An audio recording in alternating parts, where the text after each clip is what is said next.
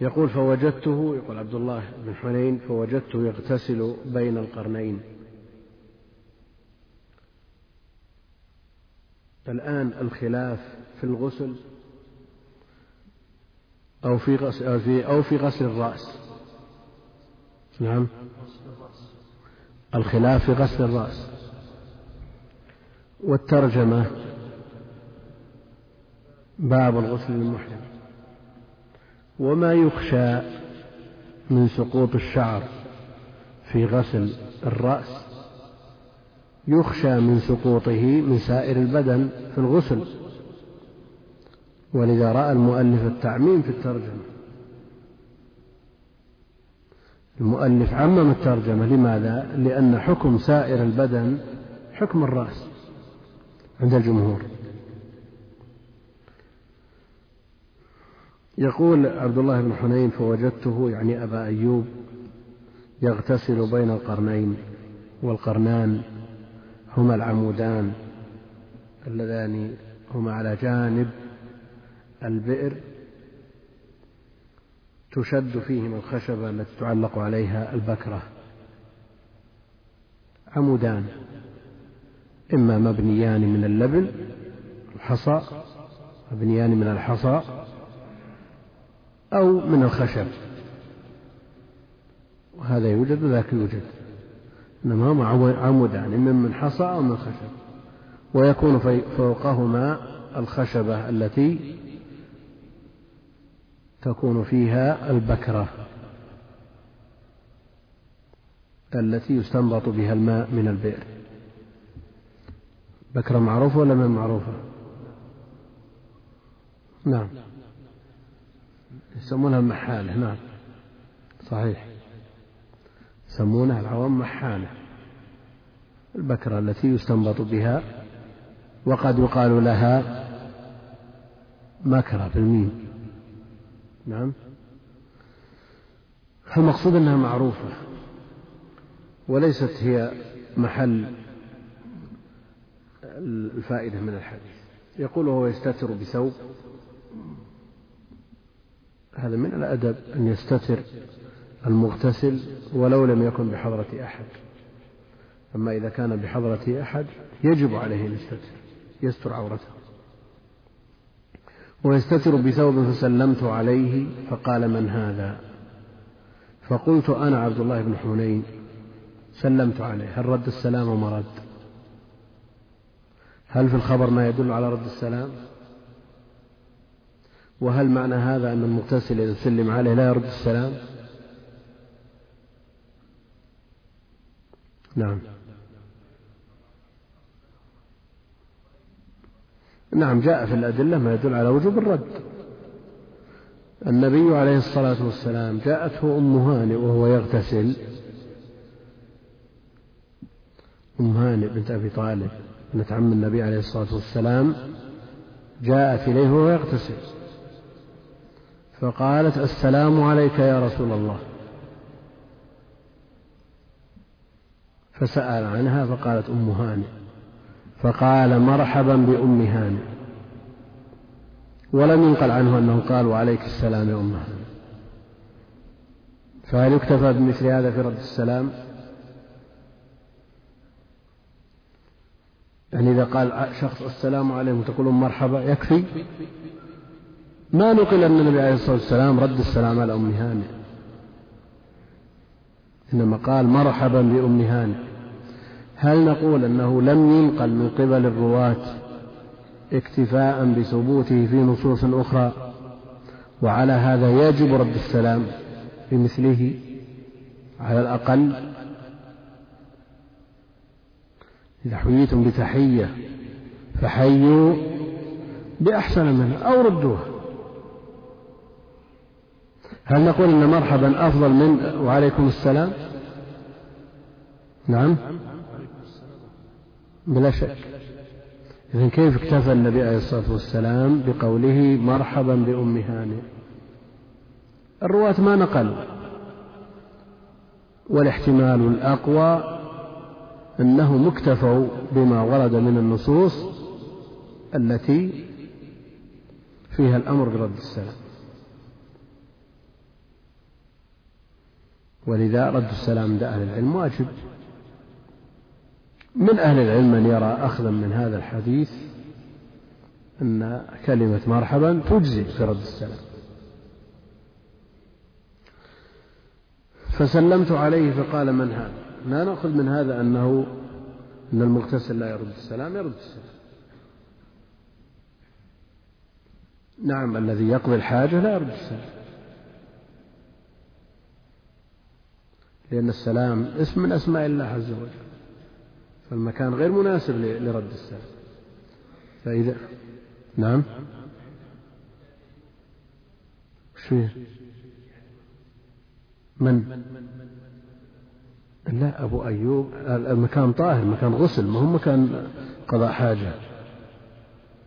هذا مكان غسل وليس مكان قضاء حاجة. هو طاهر والغسل مزاولة عبادة ما هو يعني نعم. ما في ما يمنع من رد السلام. نعم.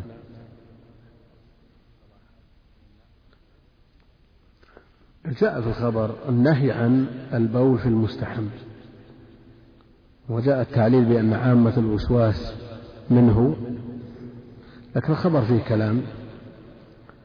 كونه يشترك المكان لقضاء الحاجة والاغتسال أو الوضوء هذا لا شك أنه يعرض الإنسان لأن يصله شيء من النجاسة.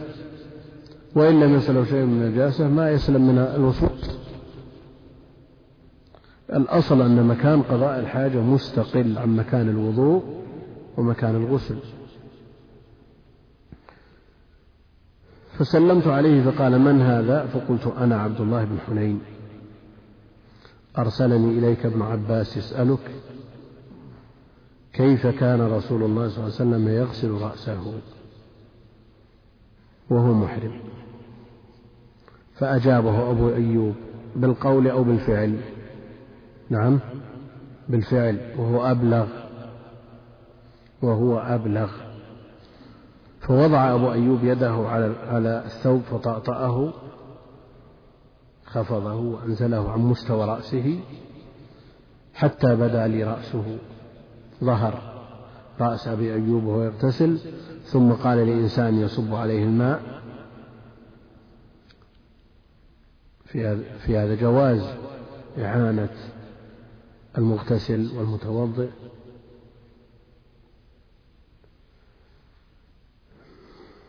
اصبب. فصب على رأسه ثم حرك رأسه بيديه. حرك رأسه بيديه. مقصود حرك الرأس ولا الشعر؟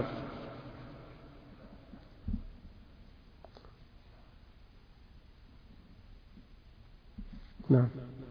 المقصود شعر الرأس حرك شعر الرأس. ما أنه حرك الرأس باليدين هز رأسه بيديه لا.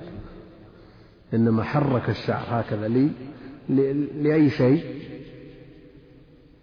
لكي يصل الماء إلى أصول الشعر. يحركه. ثم أقبل بهما وأدبر. أقبل بهما وأدبر. ثم قال هكذا رأيته صلى الله عليه وسلم يفعل. وجاء في وصف وضوئه عليه الصلاة والسلام في مسح الرأس أنه أقبل بيديه وأدبر. أقبل بيديه وأدبر. بدأ من مقدم رأسه.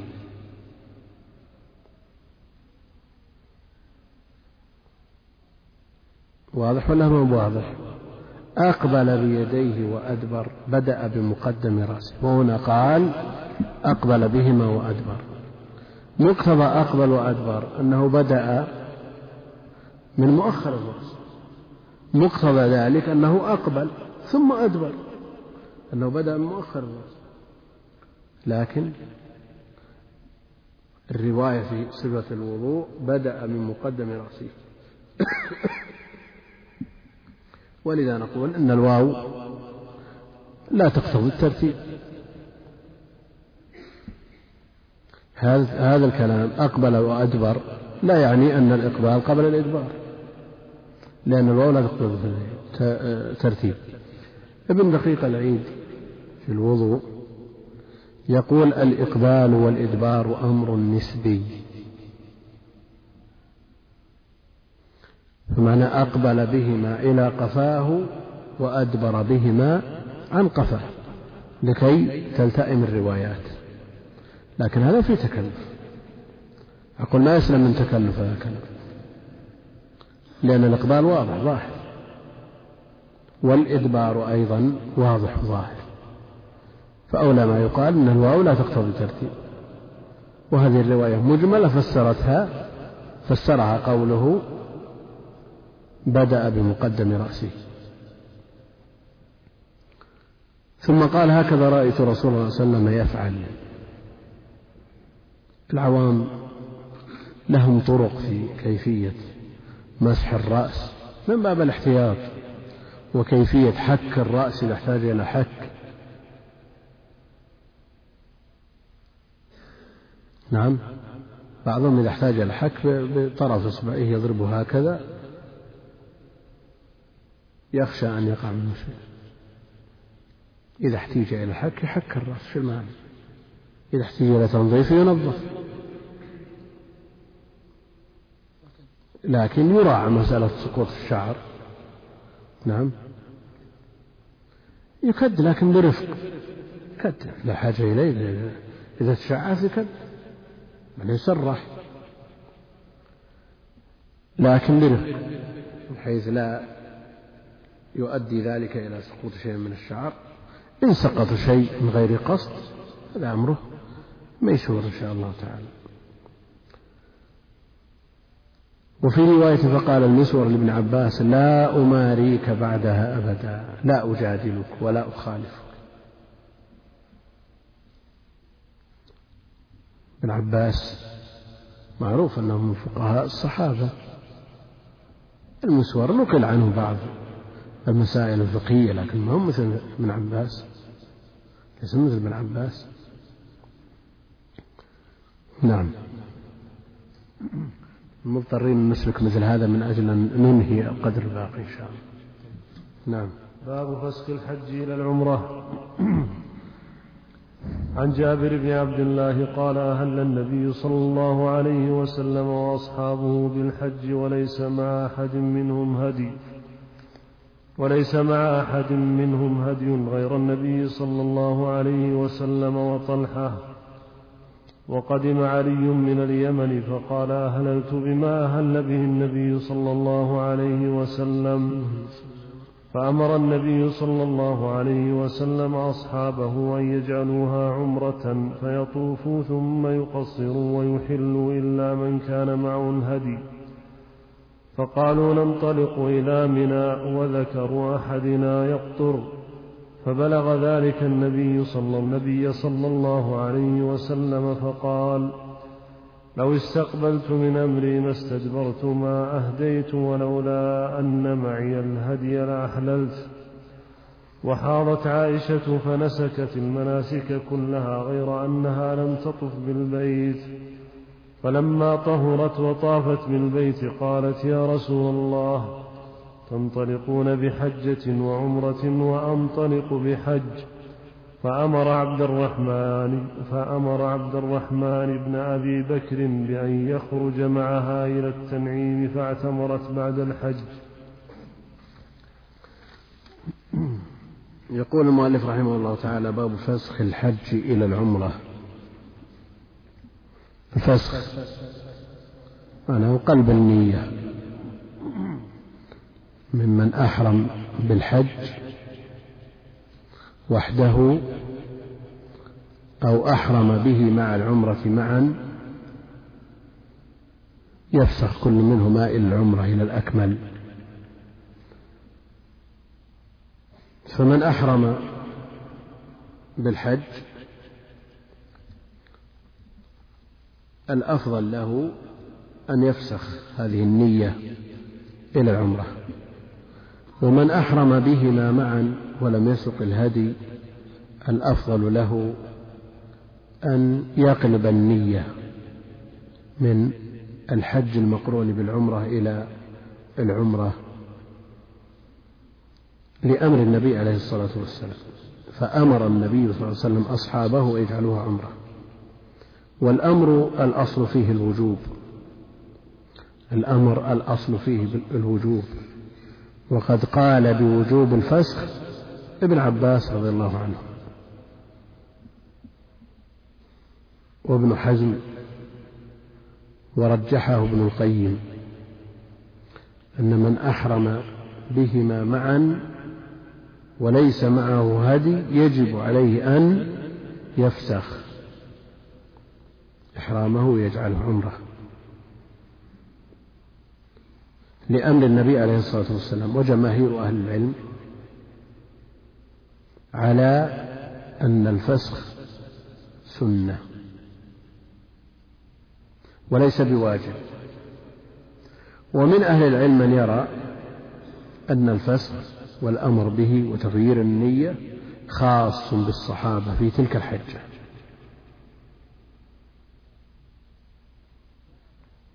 لكن جاء ما يدل على الخصوصية وفيه كلام لا يثبته الإمام أحمد وغيره الخبر. وأصح منه قول سراقة ألعامنا هذا أم للأبد؟ فقال النبي عليه الصلاة والسلام بل لأبد الأبد. فدل على عدم الخصوصية. فمن أهل بهما معا. يفسخ. نسكه ويجعله عمرة. فإذا انتهى من أفعالها أهل بالحج. لكن إن ضاق عليه الوقت ولم يستطع أن يؤدي العمرة إلا بفوات الحج فلا مانع من أن يدخل الحج على العمرة فيصير قارنا. ومثله لو حاضت المرأة وضاق عليها الوقت بحيث لا تتمكن من أداء العمرة كعائشة تدخل الحج على عمرتها فتصير قارنة. عن جابر رضي الله عنه قال أهل النبي عليه الصلاة والسلام وأصحابه بالحج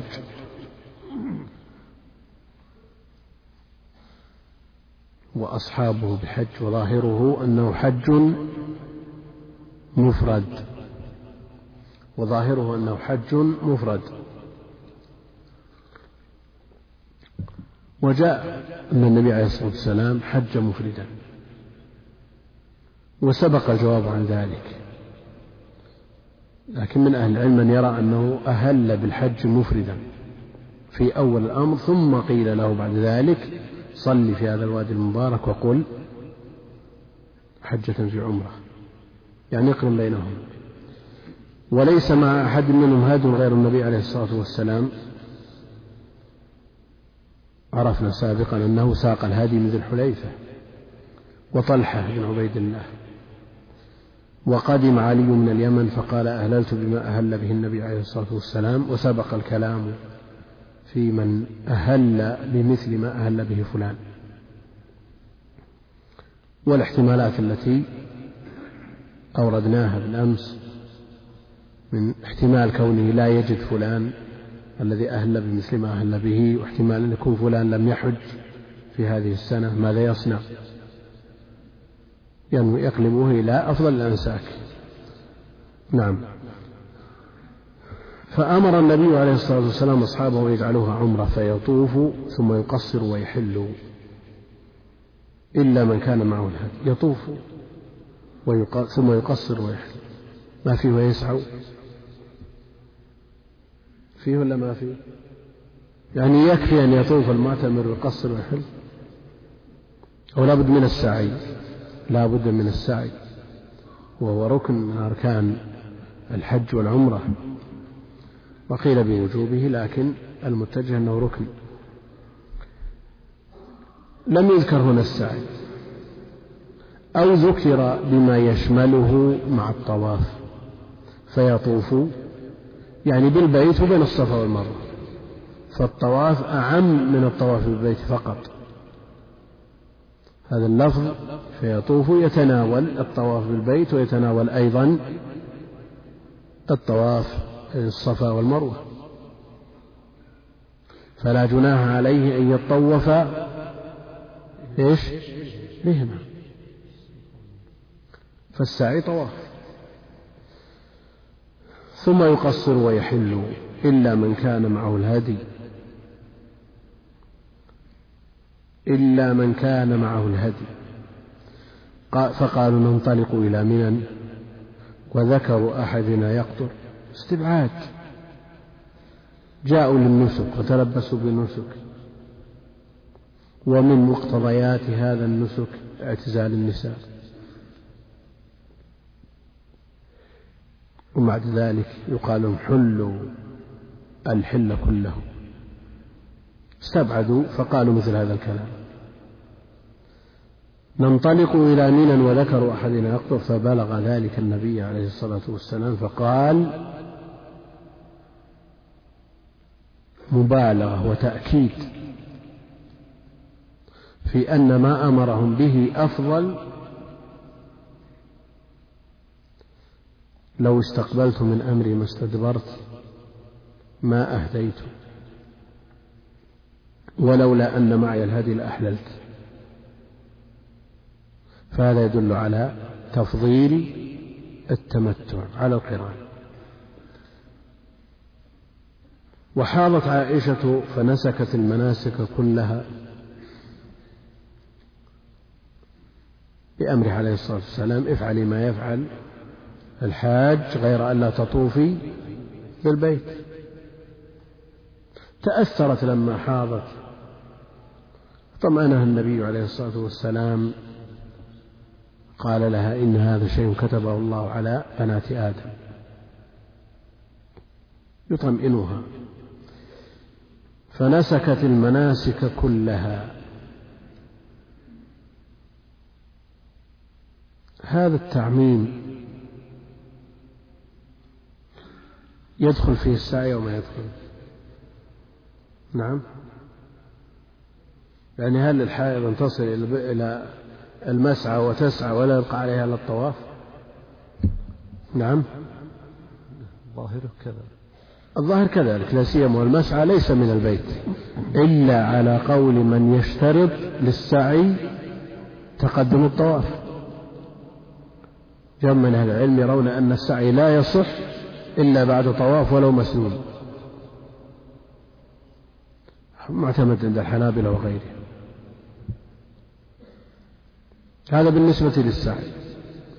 ظاهر. لكن هل يتجه قول من يقول أن الحائض تقرأ القرآن من هذا الكلام من هذا التعميم؟ أو فيه بعد؟ نعم. نسكت المناسك افعل ما يفعل الحاج. الحاج يقرأ قرآن نعم. ليس ليس من أعمال المناسك وإن استدل به بعضهم لكنه بعيد بعيد جدا. استدلال بعيد جدا. فنسكت المناسك كلها غير أنها لم تطف بالبيت. لأنه قال غير أن لا تطوف بالبيت. والحائض لا تطوف بالبيت مهما كان ظرفها ومهما ترتب على فعلها. شيخ الإسلام رحمه الله تعالى أورد احتمالات. قال هذه الحائض. إما أن ترجع من المسألة المفترضة من في امرأة جاءت من بعيد. إما أن ترجع إلى بلدها بغير طواف أو تجلس وتحبس الرفقة ويتضررون. ثم جاء بالتيسير والمشقة تجلب التيسير نعم المشقة تجلب التيسير لكن كيف تجلب مثل هذا التيسير؟ والرسول عليه الصلاة والسلام يقول أحابسة ناهي هذا دليل على أن الحائض تحبس الرفقة فأنا نقول لا لا تحبس الرفقة يمشون تطوف يمشون الرسول عليه الصلاة والسلام يقول أحابسة ناهي على ما سيأتي دليل على أن الحائض تحبس الرفق وش المعنى؟ ركن من أركان الإسلام لا بد من إكماله والطواف ركن من أركان هذا الركن.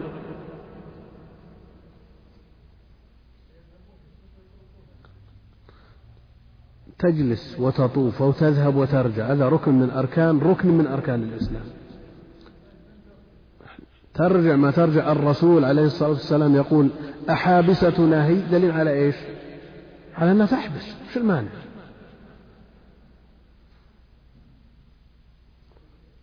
نعم. كيف؟ لا لا ما, ما يقبل التوكيد لا. تذهب وترجع تجلس. المقصود أنها لا بد أن تطوف. نعم. من طافت ويحال كلام على وضعها ومن أفتاها. هل أفتاها من تبرأ الذمة بتقليده؟ أو اجتهاد منها. أخذ فتوى من تبرأ يتحمل. يتحمل.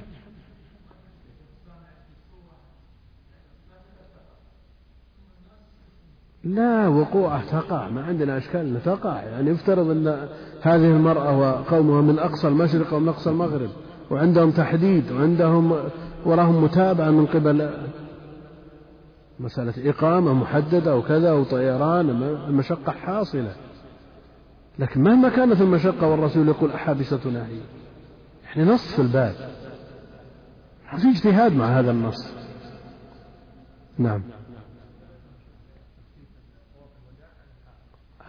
سيأتي إن شاء الله لكن أحابستنا هي نص في الباب. كيف نجتهد مع وجود هذا النص؟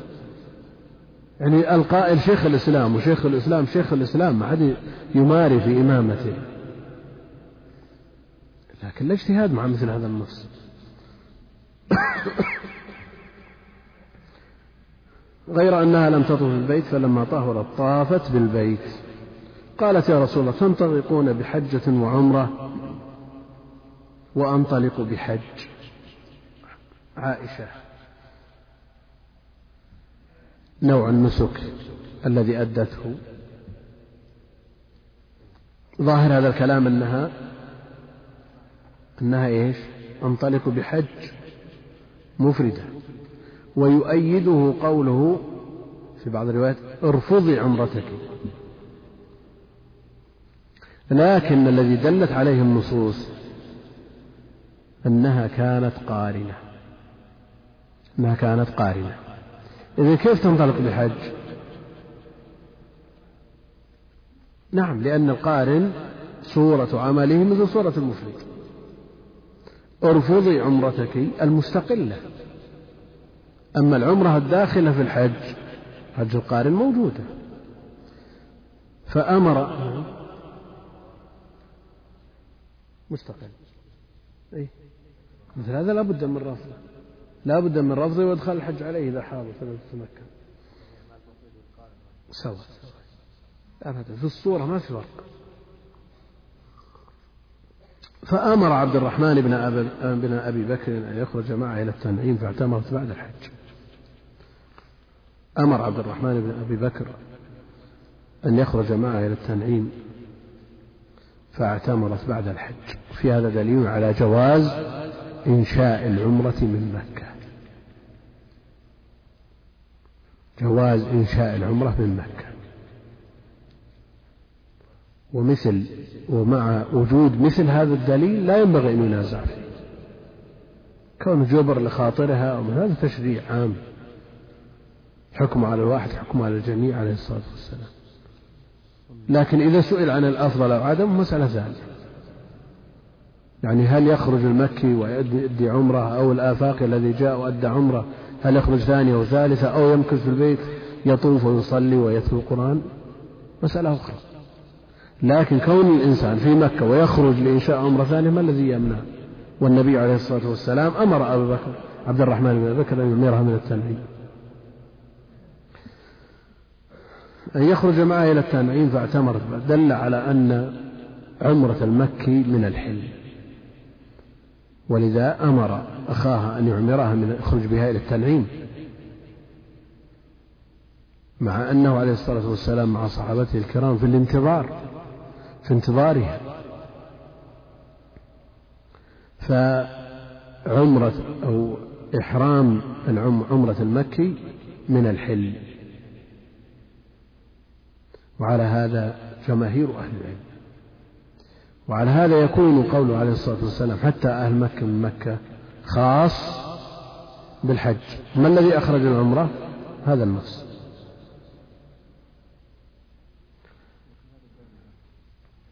المقصود اللي ينشئ من مكة عمرة من مكة لابد أن يخرج إلى الحل أما الحج فلا يحتاج إلى أن يخرج إلى الحل فأعتمرت بعد الحج. الحديث الذي يليه. نعم. نعم.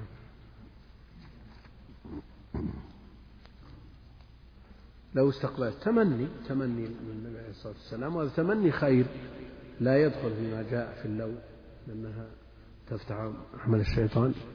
نعم.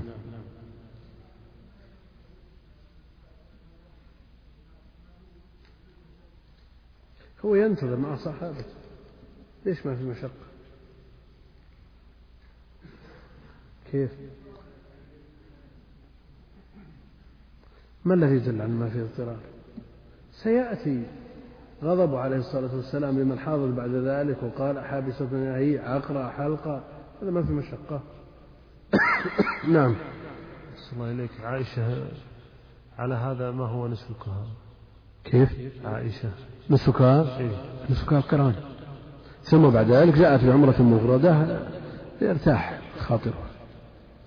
مثل مثل بقية الصحابة جاءوا بعمرة مفردة وحج مفرد. نعم.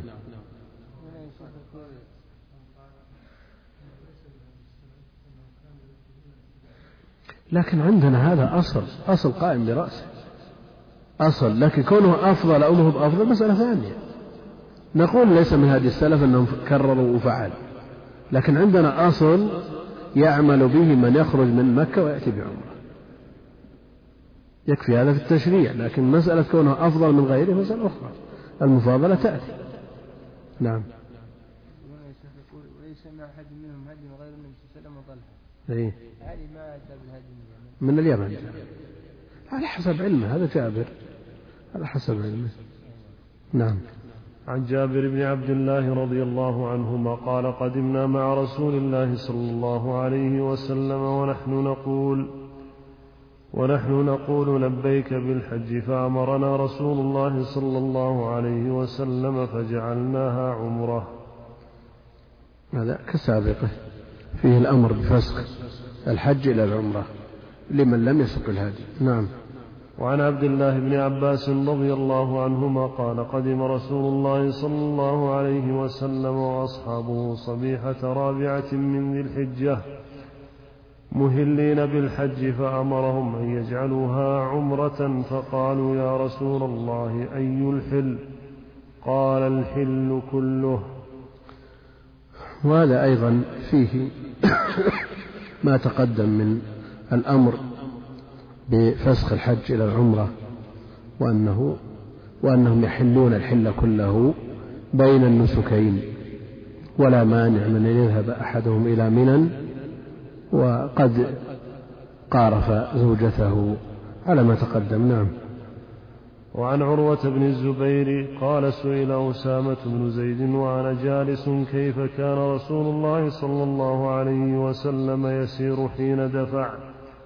فقال كان يسير العنق فإذا وجد فجوة النص العنق انبساط السير والنص فوق ذلك.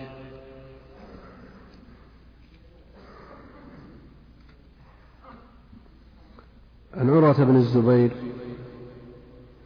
رضي الله عنهما قال سئل أسامة بن زيد حب رسول الله صلى الله عليه وسلم ومحبه وكان رديفه في الانصراف من عرفة إلى مزدلفة. سئل أسامة بن زيد وأنا جالس كيف كان رسول الله صلى الله عليه وسلم يسير حين دفع يعني من عرفة إلى مزدلفة؟ قال كان يسير العنق. العنق ضرب من السير انبساط وفي شيء من التأني وهذا هو الأصل في الأمور كلها. حتى في الأمور التي يظن أنها محل للعجلة والخفة كالجهاد. ولذا قال النبي عليه الصلاة والسلام لعلي حين بعثه إلى خيبر قال امضي على رسلك. الرفق لا يأتي إلا بخير. كان عليه الصلاة والسلام يسير العنق. فإذا وجد فجوة النص أسرع قليلا. لأن السير على الدابة في شيء من المشقة. عليه وعلى أصحابه. السير على الدواب فيه مشقة.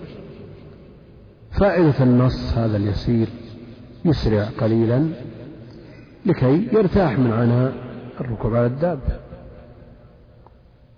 الذي حكمه حكم السفر والسفر قطعة من العذاب.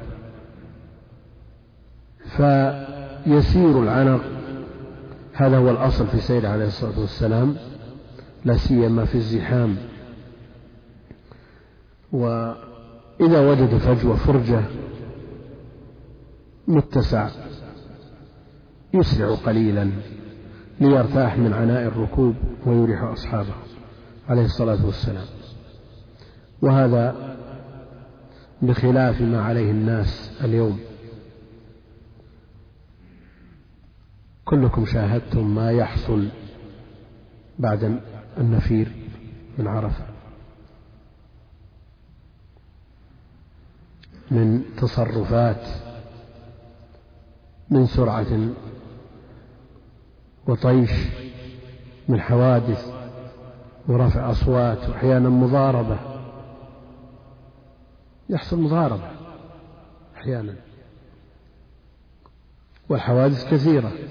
كل هذا مخالف لهديه عليه الصلاة والسلام. هل في الحديث ما يدل على السرعة؟ إذا كان الطريق خاليا. إذا وجد فجوة النص لأن بعض الناس يستدل بهذا. يمشي 150 160 180 يقول الرسول الطريق فاضي. إذا وجد فجوة النص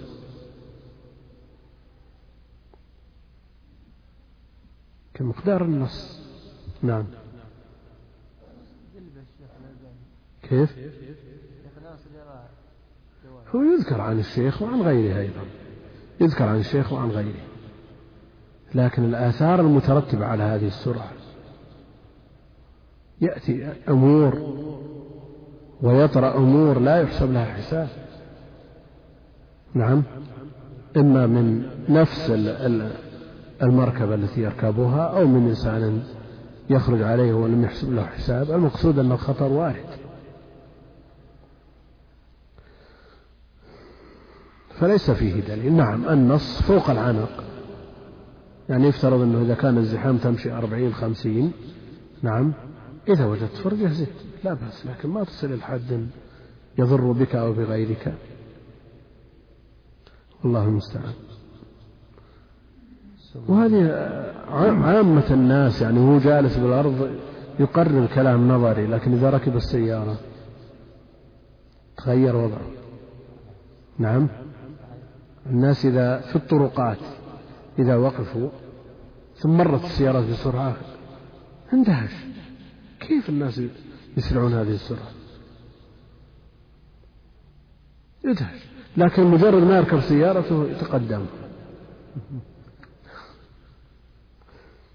الكلام النظري سهل يعني لكن الكلام على التطبيق. من يملك؟ وهي عادة. الإنسان على ما تعود. الإنسان على ما تعود. السرعة في السير السرعة في الحركة السرعة في جميع التصرفات عادة. يعني السرعة في القراءة عادة. بعض الناس يتمنى أن يتريث ويترسل ويرتل ويتدبر لكن ما اعتاد ذلك. يبدأ بالسورة على أساس أنه يتدبر. ثم لا يدري إلا وقد انتهت السورة. فهو على ما اعتاد. فعلى الإنسان أن يوطن نفسه على الرفق والهدوء في جميع أموره والرفق لا يأتي إلا بخير. والله المستعان. نعم. أحسن الله إليك. سؤال العمدة أوسع من البلوغ؟ كيف؟ يقول هذا الحديث بعض الأحاديث ليست في بلوغ المرام. يعني في العمدة ما ليس في البلوغ. هل هي وفي البلوغ وهو أكثر ما ليس في العمدة نعم نعم. باب حكم تقديم الرمي والنحر والحلق والإفاضة بعضها على بعض. الترجمة هذه ليست من أصل الكتاب. الترجمة ليست من أصل الكتاب. نعم. نعم. وضعها الشارع قال نعم. نعم. ذكر في الحاشية. عن عبد الله بن عمرو بن العاص رضي الله عنهما أن رسول الله صلى الله عليه وسلم وقف في حجة الوداع فجعلوا يسألونه فقال رجل لم أشعر فحلقت قبل أن أذبح. قال اذبح ولا حرج. وقال الآخر لم أشعر فنحرت قبل أن أرمي فقال ارمي ولا حرج. فما سئل يومئذ عن شيء قدم ولا أخر إلا قال افعل ولا حرج.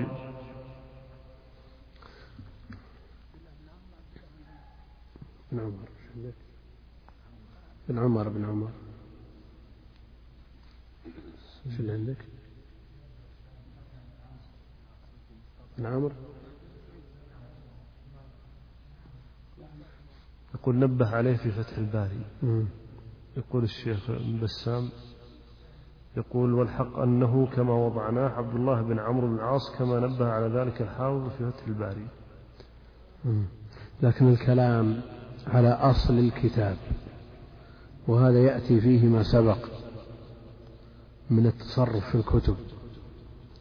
يورد كما هو وينبه على الصواب في الحاشية. كلام على ما في أصل الكتاب. يعني يثبت يثبت المؤلف. كما هو كما في الأصل. وينبه على الخطأ. وينبه على الخطأ.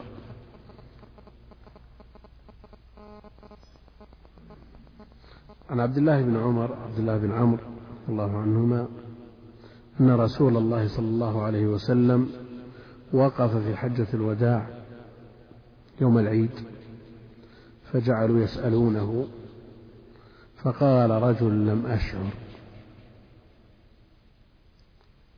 فحلقت قبل أن أذبح والأصل أن يذبح قبل أن يحلق. لأن النبي عليه الصلاة والسلام بدأ لما وصل إلى منى بالرمي ثم بعد ذلك النحر ثم بعد ذلك الحلق ثم الطواف. على هذا الترتيب. لم أشعر فحلقت قبل أن أذبح قال اذبح ولا حرج. وقال الآخر لم أشعر فنحرت قبل أن أرمي فقال ارمي ولا حرج. تقديم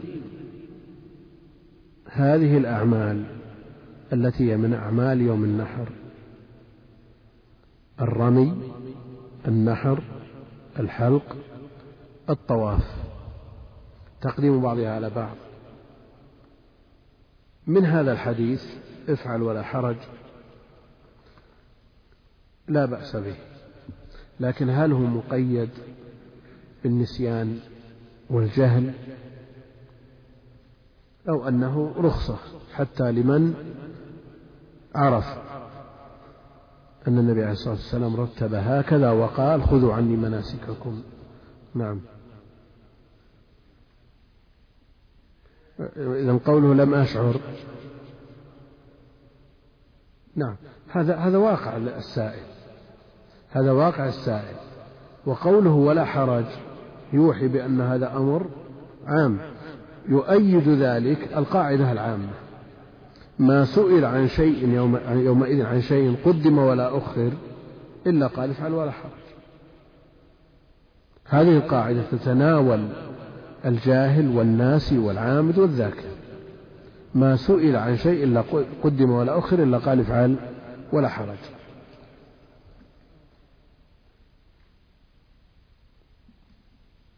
نعم الحديث الذي يليه. السعي والطواف. تقديم السعي على الطواف يدخل في القاعدة العامة فيه أيضا حديث خاص حديث أسامة بن شريك. نعم سعيت قبل أن أطوف. قال افعل ولا حرج.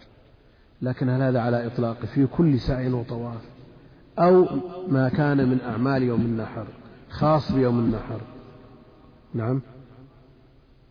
يعني لو جاء المعتمر فقال سعيت قبل أن أطوف. نقول افعل ولا حرج أو نقول رتب.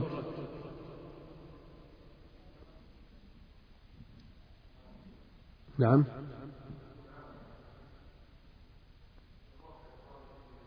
يعني لو لم يرد إلا هذا الحديث العام قلنا هذا في يوم النحر خاصة نعم. لكن الذي قال سعيت قبل أن أطوف قال افعل ولا حرج. فدل على أن التقديم والتأخير بالنسبة للطواف والسعي كغيره وهذا يفيد العموم. يعني لو لم يرد إلا ما سئل ذلك اليوم لقلنا خاص بأعمال النحر. نعم.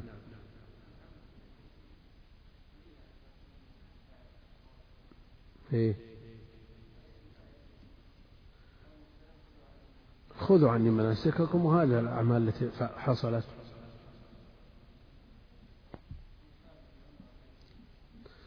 لو لم يرد النص الخاص نعم لو لم يرد النص الخاص في تقديم السعي على الطواف نعم لحصل التعارض بين ما سئل عن شيء قدم بين عمومه المتناول للسعي لأن التناول بعمومه والتناول بالعموم ما هو مثل التناول بالخصوص التناول بالخصوص أقوى.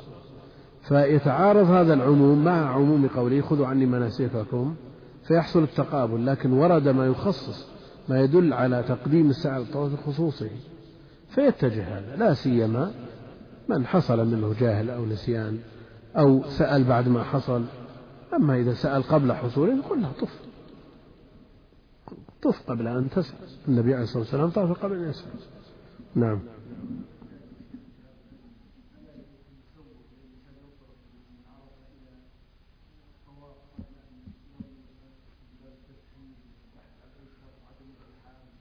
هذا ما في إشكال ما سئل عن شيء قدم من عرفة أو من مزدلفة. سهل هذا المشقة تجلب التيسير ومثل هذه المشقة الشديدة جعل الأمر في الساعة لا سيما وقد جاء الترخيص في ذلك. نعم. ذكرنا سابقا أن أهل العلم يقولون لا بد أن يقع السعي بعد طواف ومنهم من يشترط الموالاة بينهما. لأنه حصل من النبي عليه الصلاة والسلام هكذا بالموالاة. طاف صلى الركعتين ذهب إلى الصف. مباشرة لكن لو كان هناك مبرر للفصل تعب في المطاف ثم أراد أن يرتاح ثم يستمع لا هذا لا مانع. لا مانع إن شاء الله. تعالى نعم.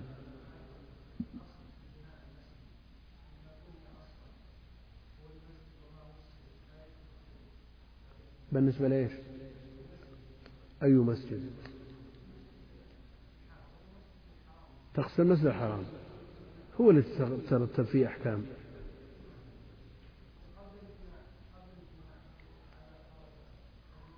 إيه؟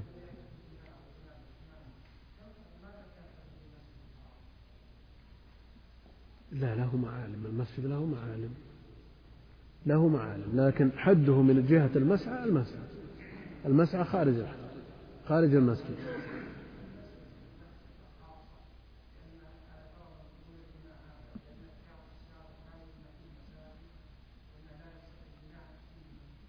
المسعى المسعى وادي. المسعى وادي. كيف؟ المسعى نفسه خارج الحرم. وكان بين المسعى والحرم محلات بكاكين بيع وشراء. بين المسعى والمسجد.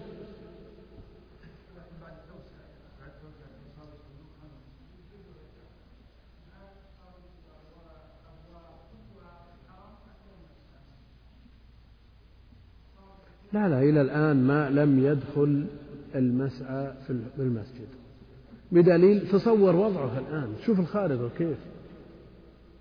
نعم. هل المسجد محيط بالمسعى؟ لا المسعى في جهة. ممتد في جهة المسجد في جهة أخرى. هذه إذا اتحد إذا إذا اتصلت الصفوف لا بأس. يعني حكم حكم الشوارع. إذا اتصلت الصفوف لا بأس. لكن إذا لم تتصل الصبح خارج المسجد نعم طافت إيش؟ إيش فيها؟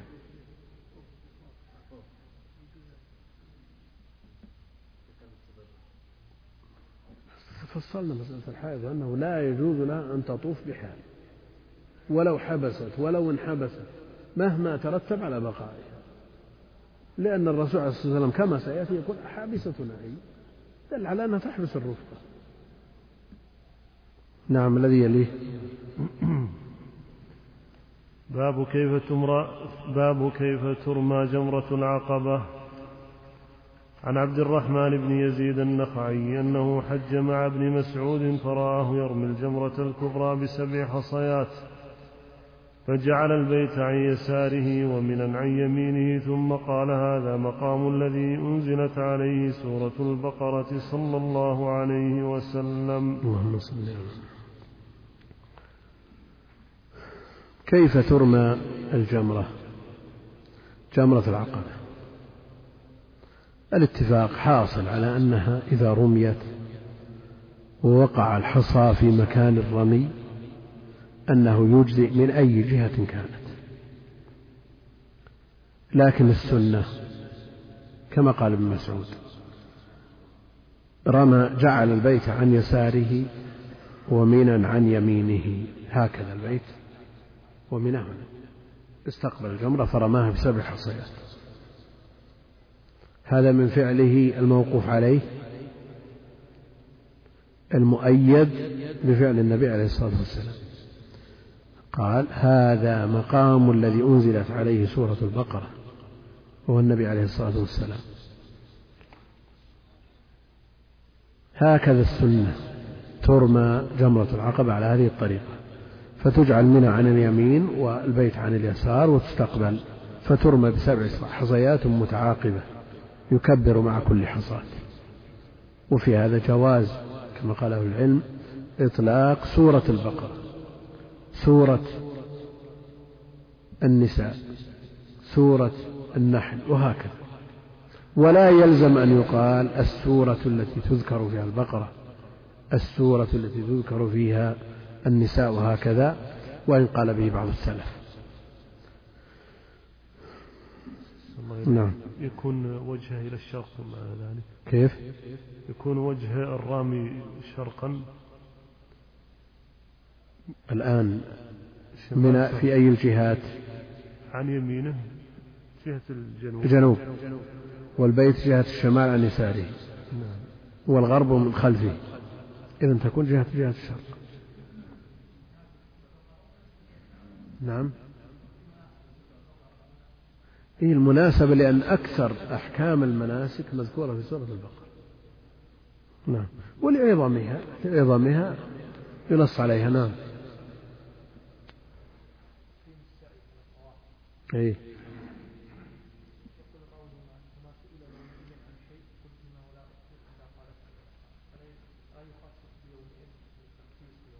جاء في بعض ما سئل في ذلك اليوم.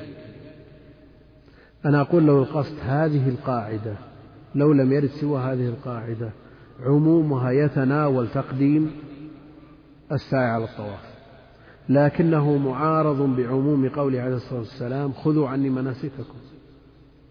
يبقى تعارض عموم مع عموم ممكن ال ال كون ترجيح أحدهما على الآخر لكن يبقى أن كونه جاء نص يخص تقديم السعي على الطواف يقوي عموم ما سئل عن شيء في ذلك اليوم قدم ولا أخر إلا قال افعل ولا حرج.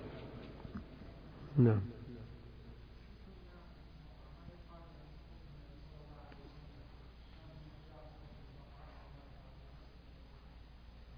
لا هذا وقوف إيش؟ وقوف للرمي ما هو وقوف للدعاء. هذا وقوف الرمي نعم.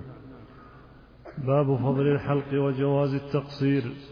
عن عبد الله بن عمر رضي الله عنهما أن رسول الله صلى الله عليه وسلم قال اللهم ارحم المحلقين قالوا والمقصرين يا رسول الله قال اللهم ارحم المحلقين قالوا والمقصرين يا رسول الله قال اللهم ارحم المحلقين.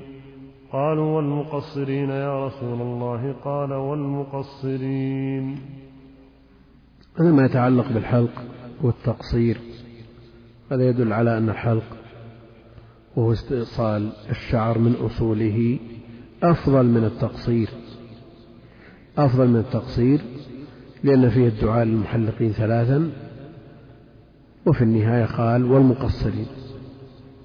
لكن قد يكون التقصير أفضل. متى؟ في التمتع.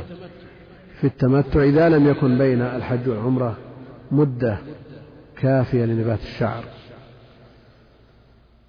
وفي هذا دليل أيضا على أن الحلق والتقصير نسك.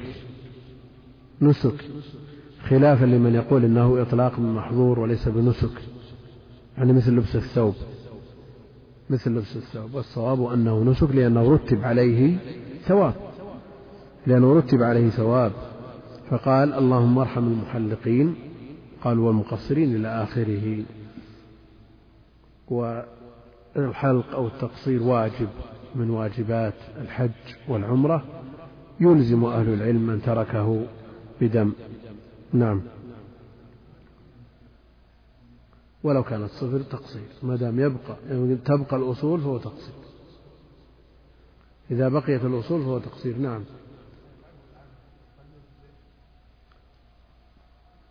يعني الأخذ أخذ شيء يسير من جهة واحدة.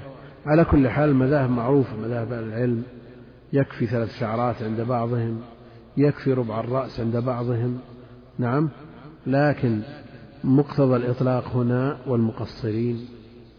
يقتضي أنه تقصير لجميع الشعر وعلى هذا يقصر من مجموع الشعر ولا يلزم أن يكون من كل شعرة بعينها لكن المجموع يكفي. نعم. وين؟ من فعل هذا وقد اقتدى بإمام أو فعله جاهل ولم ينبه نرجو أن لا بأس. إن شاء الله ما دام في مكانه يؤمر. نعم. نعم. في النسكين. العام. نعم. لا العام. نعم. تفضل. تفضل يا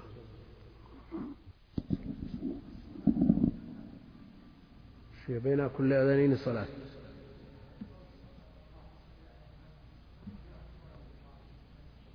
وين؟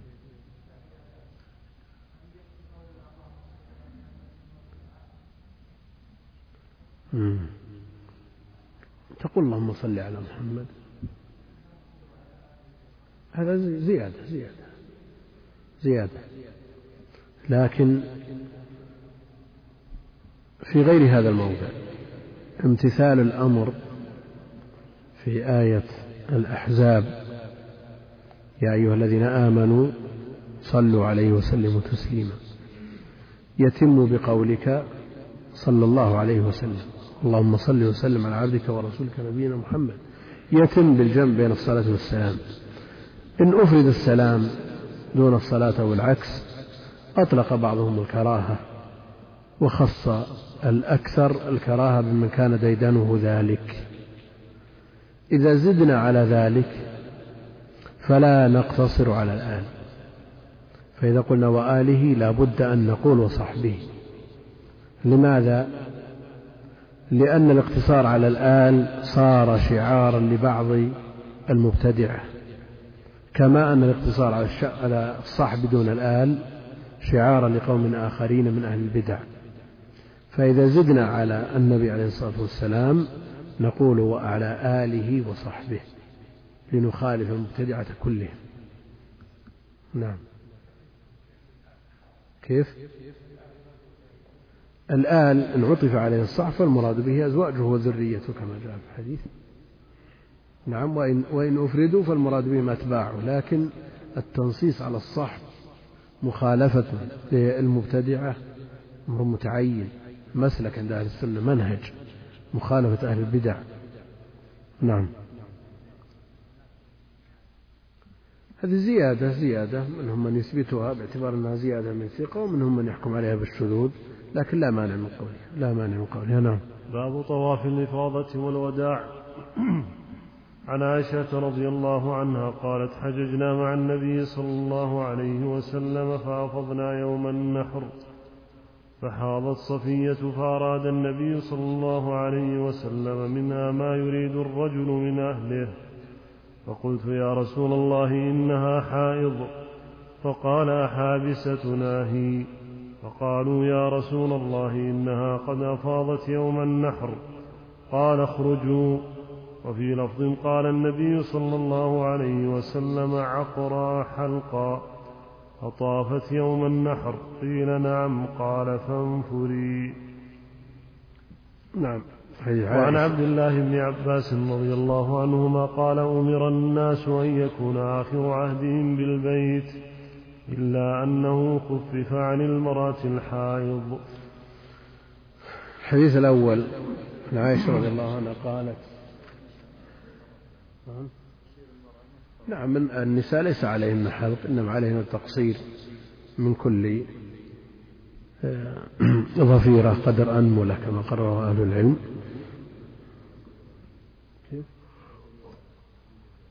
ما يلزم قدر أنملة لكن هذا تحديد من أهل العلم. لينضبط لينضبط لأنه لو ترك نعم لأنه لو ترك زاد بعضهم زيادة وبعضهم نقص فمن باب الضبط فقط. الحديث تقول عائشة رضي الله عنها حججنا مع النبي صلى الله عليه وسلم فأفاضنا يوم النحر. مراد طفنا طواف الإفاضة يوم النحر فحاضت صفية. فأراد النبي عليه الصلاة والسلام منها ما يريد الرجل من أهله فقلت يا رسول الله إنها حائض. فقال أحابستنا هي؟ قالوا يا رسول الله إنها قد أفاضت يوم النهر قال اخرجوا.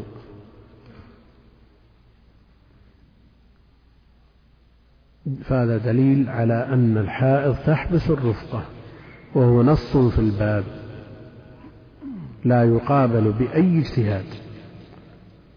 في لفظ قال النبي عليه الصلاة والسلام يريد صفية عقرى حلقة دعاء عليها بأن يصيبها الله سبحانه وتعالى في حلقها. حلقة. دعاء عليها. هذه لما حاضت دعا عليها. مثل هذا الأسلوب بعض أهل العلم يقول أنه لا يراد الدعاء وإنما يقال في مثل هذه المناسبة من غير قصد للدعاء مثل تربت يمينك. نعم. نعم. كيف؟ مثل ثكلتكم وكان المقصود أن مثل هذه الأدعية لا يراد بها حقيقة الدعاء. لكن قد يقول قائل لما حاضت عائشة تأثرت طمأنها النبي عليه الصلاة والسلام وقال لها إن هذا شيء كتبه الله على بنات آدم يسليها بذلك ولما حاضت صفية قال عقر حلقة ما سبب التفريق هل هذا فيه ما يدل على جواز تفضيل بعض النساء على بعض؟ في مثل هذه المعاملة ولا المعاملة القلبية مفروغ منها. كون بعضهن أحب من بعض هذا شيء مفروغ منه. نعم.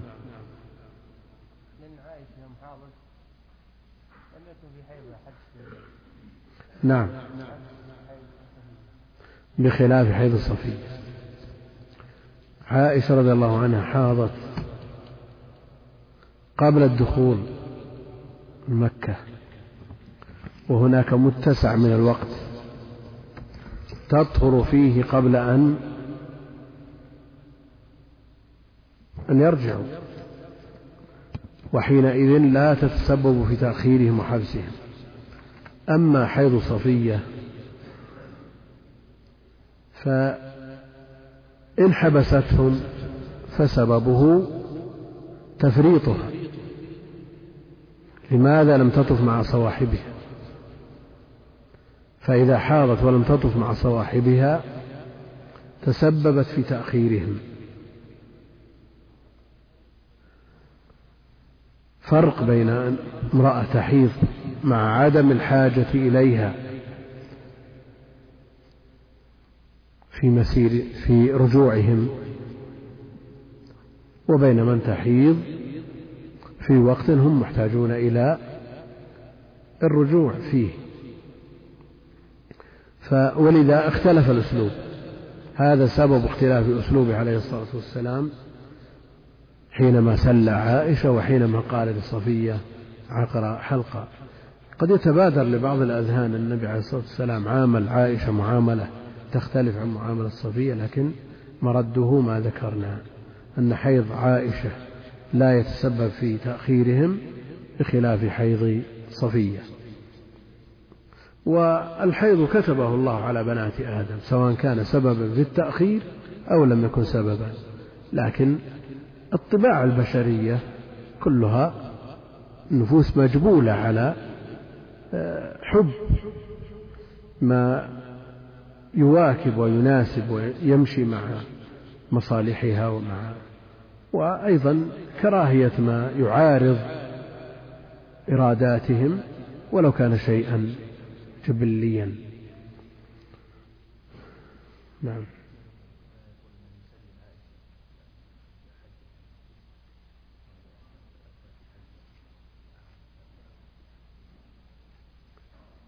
لا هو إذا نظرت إلى المسألة يعني نظرة عابرة من دون تأمل.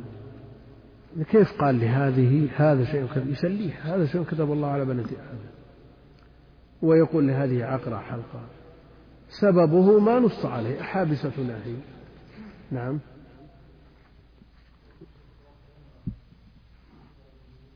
كيف؟ فيه يأتي هذا اللي بعد حديث طواف الوداع.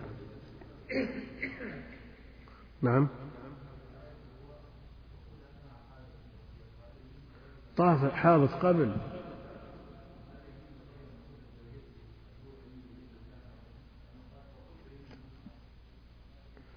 يعني مثل هنا من فأراد النبي عليه الصلاة والسلام منها ما يريد الرجل من أهله. فقلت يا رسول الله إنها حائض. الرسول عليه الصلاة والسلام يطوف على نسائه. فكونه يريد واحدة لا يؤثر على الثانية لأنه سوف يطوف عليها أو قد طاف عليها قبل ذلك. المقصود أنه من خصائصه أنه يطوف على نسائه في اليوم الواحد. عن عبد الله بن عباس رضي الله عنهما قال أمر الناس أن يكون آخر عهدهم بالبيت إلا أنه خفف عن المرأة حال. أمر الناس. والآمر من هو؟ النبي عليه الصلاة والسلام. أمر الناس وحذف الفاعل للعلم به وهذا هو الأصل في مسائل الشرع أن الآمر والناهي هو النبي عليه الصلاة والسلام. فإذا قال الصحابي أمرنا أو نهينا فهو مرفوع. فهو مرفوع. أمر الناس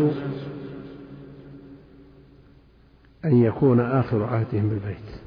متى أمروا؟ بعد حجة الوداع. أن يكون آخر عهدهم بالبيت. يكون آخر عهدهم بالبيت الصلاة يمرون البيت يصلون يمشون. آخر عهدهم بالبيت إيش؟ الطواف. الطواف. كما صرح به في بعض الروايات. فلا يكفي أن يأتي البيت ويصلي ويمشي. لا يكفي أن يأتي البيت ويشرب ويمشي. لا يكفي أن يأتي البيت ويقرأ القرآن ويمشي. لا. لا بد أن يكون آخر عهده بالبيت الطواف. ولذا كان آخر العهد بالبيت لا بالمسجد. والعبادة المتعلقة بالبيت هي الطواف. وجاء مصرحا به في بعض الروايات. والأمر هذا إنما جاء في حجة الوداع. ولم يأمر به النبي عليه الصلاة والسلام في عمره كلها. ولذا المرجح عند جمع من أهل العلم بل عند أكثر العلماء أن طواف الوداع إنما يجب على الحاج دون المعتمر. لأن النبي عليه الصلاة والسلام اعتمر أكثر من مرة ولم يأمرهم بوداع. ولأن عائشة اعتمرت بعد حجها ولم تؤمر بوداع. المقصود أن المسألة لا تسلم من خلاف وطواف الوداع واجب بدليل التخفيف عن الحائل ومن أهل العلم من يقول إنه سنة بدليل التخفيف عن الحائل إذا لو كان واجبا لما خفف عنها كغيرها بل تنتظر. لكن الصواب أنه واجب يأثم بتركه ويلزمه أهل العلم بالدم إذا تركه لكن هذا خاص بالحج دون العمرة. دليل أحسن الله إليك. نعم.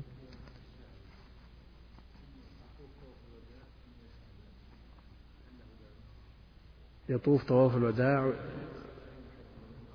ما صار آخر عهده في البيت؟ صار آخر عهده بالمسعى يطوف الوداع.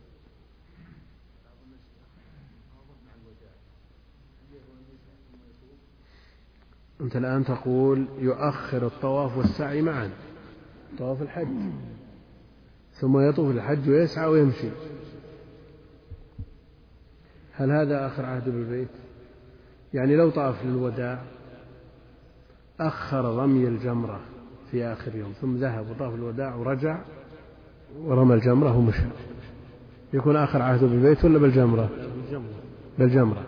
إذا طاف للإفاضة وقلنا إنه العبادات تتداخل يدخل في طواف الوداع. ثم سعى بعده آخر عهده بالبيت أو بالمسعى؟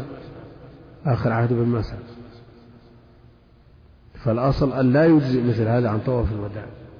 لكن المشقة تجلب التيسير. بعض أهل العلم يقول إذا كان هناك سعة وأمكن أن ترجع لتطوف للوداع وإلا يرجى أن يكفي إن شاء الله تعالى. الله إليك إن المشقة عظيمة. هائلة نعم. في آخرة لا بأس. شو المعنى؟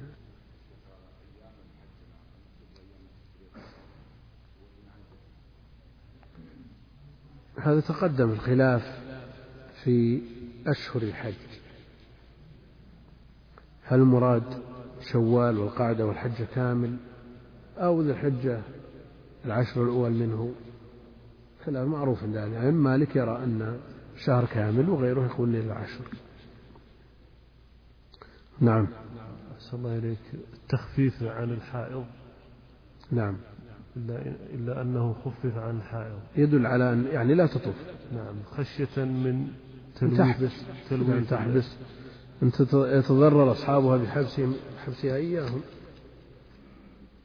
لكن أيضا ما يتعلق بتلويث المسجد. تلويث المسجد؟ نعم. نعم. هذا سهل. يمكن القضاء لكن سببه أن الحائض لا يصح منها الطواف.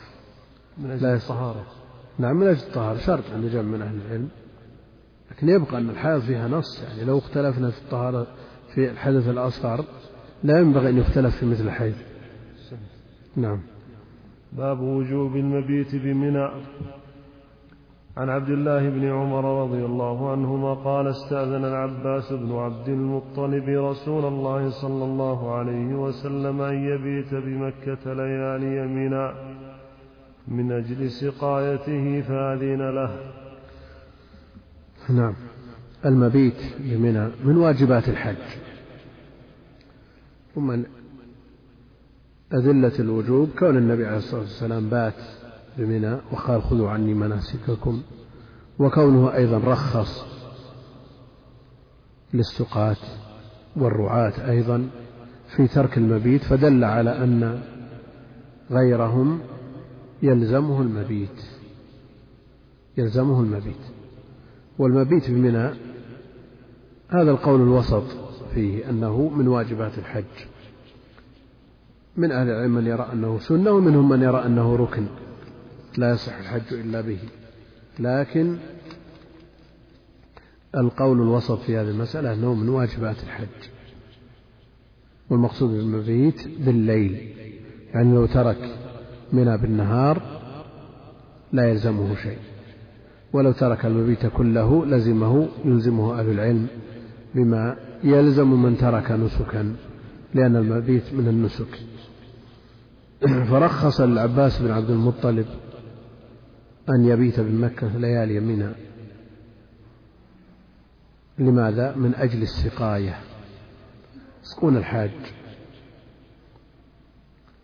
وهذا عمل ورثوه توارثوه. بنو عبد المطلب.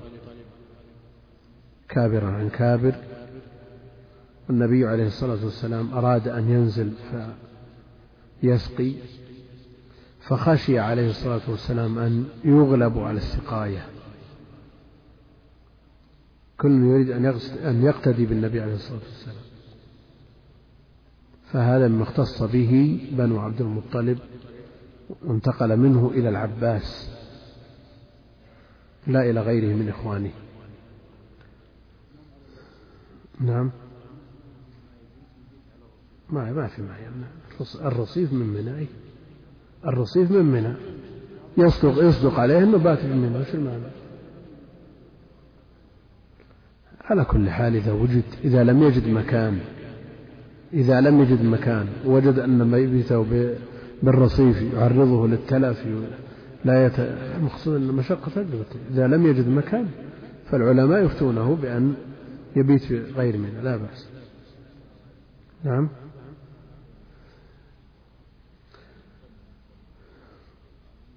المهم من المقصود أن المطلوب المبيت بمنى المبيت بمنى. فإذا بات بمزدلفة خرج عن منى يخرج لأي مكان؟ ما في فرق.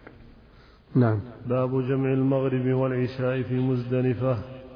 عن عبد الله بن عمر رضي الله عنهما قال جمع النبي صلى الله عليه وسلم بين المغرب والعشاء بجمع لكل واحدة منهما إقامة. ولم يسبح بينهما ولا على أثر واحدة منهما.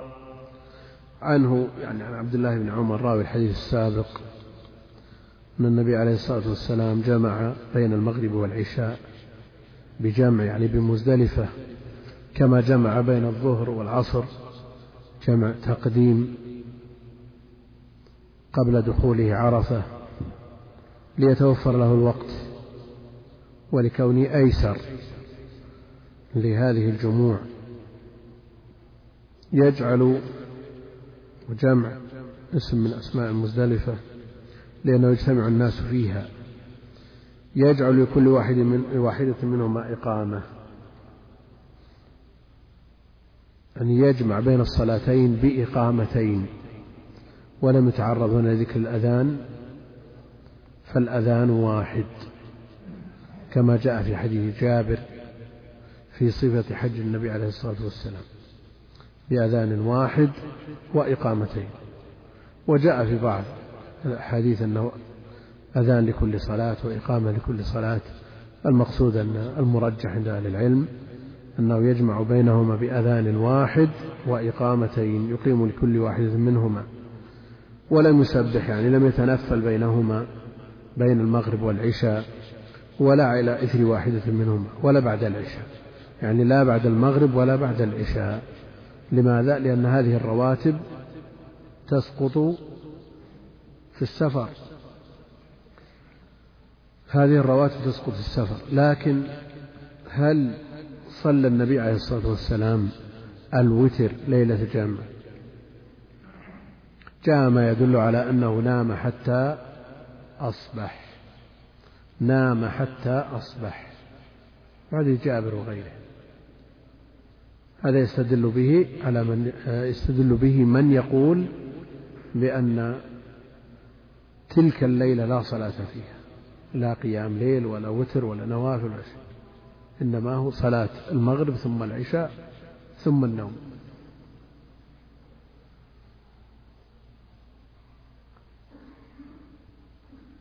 لكن هل يتم الاستدلال بقول عليه الصلاة والسلام نام حتى أصبح أنه لا وتر؟ مع أنه جاء عنه عليه الصلاة والسلام أنه لم يترك الوتر سفرا ولا حضرا كركعتي الصبح. نعم. لم يترك. هذا الأصل. يبقى النص الذي معنا نام حتى أصبح يعتريه من الاحتمالات ما يعتريه. أولا هذا على حد علم الراوي. وهل سبر الراوي حال النبي عليه الصلاة والسلام سبرا تاما؟ صلى ثم نام حتى أصبح. أمر ونهى ورخص وفعل في تلك الليلة. نعم. ولا يمنع أن يكون أوتر وخفي وتره على الراوي. وبعض الناس يسهر تلك الليلة كل الليل. في القيل والقال إذا جاء الوتر قال النبي نام حتى أصبح. ما وجد ما يقتدي به إلا هذا. والله المستعان. نعم.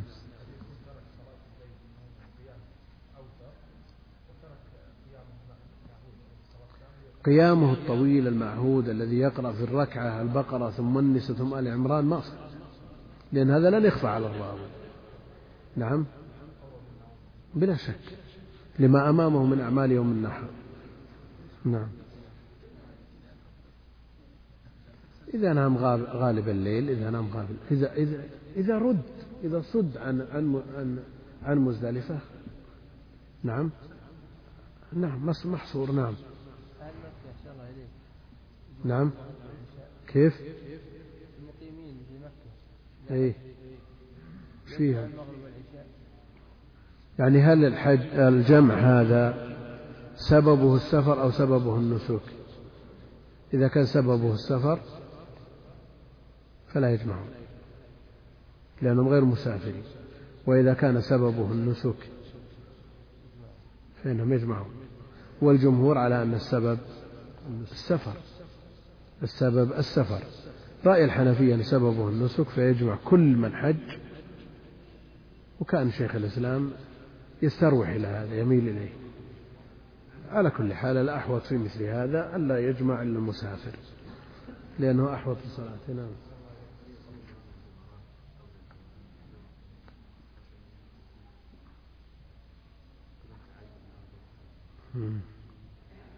رمي الجمرات. معروف أن الرمي في يوم النحر هو تحية منى وهو أول الأعمال. وهل يجوز قبل طلوع الشمس؟ قبل طلوع الصبح أو بعد أو لا بد أن يكون بعد طلوع الشمس. المسألة خلافية بين أهل العلم.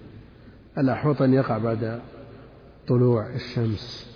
لكن إن وقع قبل ذلك فالأمر في ساعة إن شاء الله تعالى. لأن سبب الترخيص في الانصراف من مزدلفة قبل الصبح يتناول هذا أيضا. في اليوم الحادي عشر والثاني عشر والثالث عشر جماهير أهل العلم على أن الرمي إنما يكون بعد الزوال لأن النبي عليه الصلاة والسلام رمى بعد الزوال وقال خذوا عني مناسككم.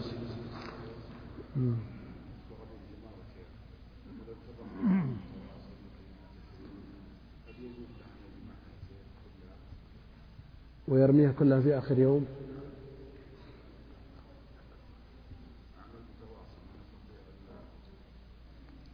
عند الحنابلة يجوز له ذلك وهو أداء أيضا وهو أداء. وليس بقضاء. لكن عمله عليه الصلاة والسلام وترتيبه وتوقيته وجعل كل يوم بيومه في وقت محدد وقوله خذوا عني مناسككم يجعل هذا الأمر في حي في إطار المنع إلا لضرورة قصوى يمكن أن يؤخذ بالرأي الثاني. فالمشقة تجب التيسير نعم. إيه؟ الجميع الجميع نسك واحد. المبيت كله نسك واحد. فإذا ترك المبيت ثلاث ليالي يلزمه دم إذا ترك واحدة يتبعض. نعم. يعيد يعيد. نعم. يرمي. الصغرى ثم الكبرى ثم العقبة عن اليوم الأول. ثم يرجع. وهكذا. الثاني والثالث. الحاجة الحاجة الشديد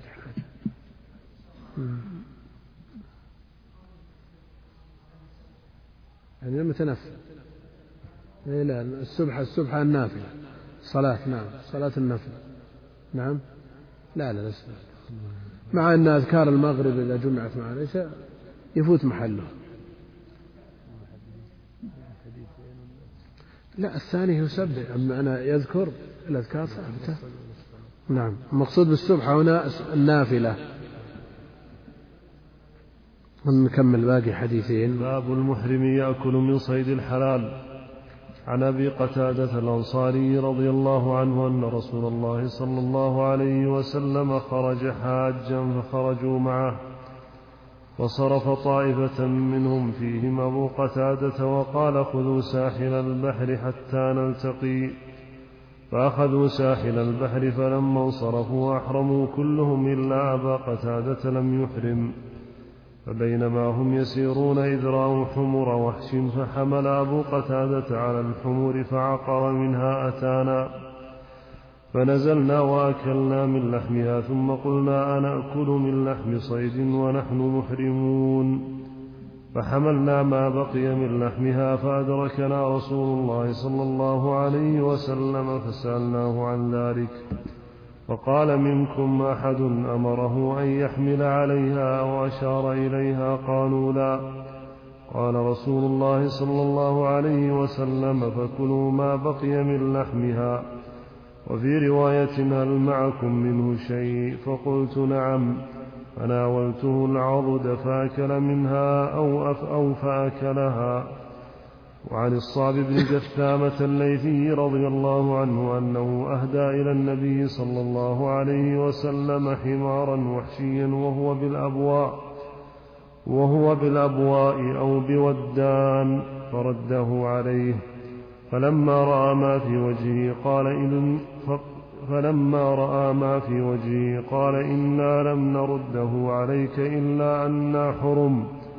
وفي لفظ لمسلم رجل حمار وفي لفظ شق حمار وفي لفظ عجز حمار. قال المصنف رحمه الله تعالى وجه هذا الحديث أنه ظن أنه صيد لأجله والمحرم لا يأكل ما صيد لأجله.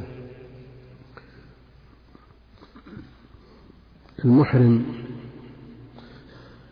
ممنوع من الصيد. فلا يجوز له الاصطياد. في حديث أبي قتادة الحارث بن ربعي رضي الله عنه أن رسول الله صلى الله عليه وسلم خرج حاجا فخرجوا معه فصرف طائفة منهم فيهم أبو قتادة. هو راوي الحديث. فيهم أبو قتادة المتكلم. من هو؟ هو نفسه. كيف قال فيهم أبو قتادة؟ قل وأنا فيهم هذا الأصل. فيهم أبو قتادة هذا الأسلوب يسمى إيش؟ ماذا يسمى؟ نعم. تجريد. تجريد. إيش معنى تجريد؟ يجرد المتكلم من نفسه شخصا يتحدث عنه. عن سعد رضي الله عنه أن النبي عليه الصلاة والسلام أعطى رهطا وسعد جالس. ما قال وأنا جالس. هذا يسمونه إيش؟ تجريد. عن أبي قتادة وفيهم أبو قتادة. يجرد المتكلم من نفسه شخص يتحدث عنه. وقال خذوا ساحل البحر حتى نلتقي. أحرموا ولا ما أحرموا؟ أبو قتادة محرم ولا غير محرم؟ غير محرم.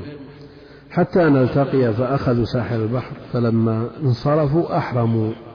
يعني بعد ذلك أحرموا.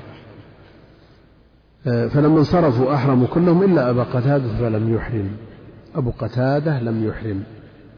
فبينما هم يسيرون إذ رأوا حمر وحش فحمل أبو قتادة على الحمر فعقر منها أتانا. أنثى الحمار يقال لها الأتان. نعم هو حمار الوحش مخطط وأكلنا من لحمها. أكل أصحابه وهم محرمون. كون أبي قتادة يصيد الأتان ويعقرها ويأكل منها فيه إشكال ولا ما فيه إشكال؟ لا إشكال لأنه ليس بمحرم وليس في الحرم الإشكال في صحبه المحرمين. ولذا استشكل. أكلنا من لحمها ثم قلنا أنا أكل من لحم صيد ونحن محرمون. هل يحسن الاستشكال بعد الأكل أو قبله؟ نعم. قبل الاستشكال قبل الأكل لكن لعل الدافع إلى الأكل إما شدة الحاجة أو الذهول والنسيان يرد هذا. فحملنا ما بقي من لحمها فأدركنا رسول الله صلى الله عليه وسلم فسألناه عن ذلك فقال منكم أحد أمره أن يحمل عليها أو أشار إليها؟ يعني الإعانة إعانة الحلال على الصيد من قبل المحرم تحريمه من هذا الصيد. قالوا لا قال رسول الله صلى الله عليه وسلم فكلوا ما بقي من لحمها لأنه لم يصده محرم ولم يصد من أجله. وفي رواية هل معكم منه شيء؟ فقلت نعم فناولته العضد فأكلها. أكلها لماذا؟ لأنه عليه الصلاة والسلام لم يقم باصطيادها ولم تصد من أجله. الحديث الثاني حديث الصعب بن جسامة الليثي رضي الله عنه أنه أهدى إلى النبي عليه الصلاة والسلام حمارا وحشيا أو رجل حمار أو شق حمار أو عجز حمار وهو بالأبواء أو بودان فرده عليه. أكل من صيد أبي قتادة ورد على الصعب بن جثامة هذا الحمار أو شق الحمار. فلما رأى ما في وجهه عليه الصلاة والسلام جبر خاطره. فقال إنا لم نرده عليك إلا أنا حرم. إلا أن محرمون. وهذا محمول يعني لما أعطاه أبو قتادة لما جاء لما أكل من صيد أبي قتادة هل كان محرما أو غير محرم؟ محرم. كيف رد على الصعب أو جبر خاطر الصعب بن جثامة إنا لم نرده عليك إلا أن حرم. لأنه نعم استشف من حاله أنه صاده من أجله لا سيما إذا كان الحمار بكامله فالقرينة قوية على أنه صاده من أجله. نعم ولذا قال أهدى إلى حمارا وحشيا. قرينة إذا كان بكماله نصده من أجله.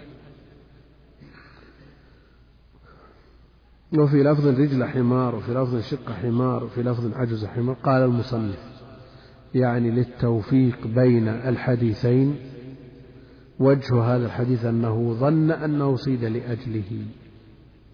يعني غلب على ظنه أن الصعب إنما صاده من أجله عليه الصلاة والسلام فتركه. وأبو قتادة لم يصده من أجله فأكل منه. والمحرم لا يأكل ما صيد لأجله. والله أعلم وصلى الله وسلم وبارك على عبده ورسوله نبينا محمد وعلى آله.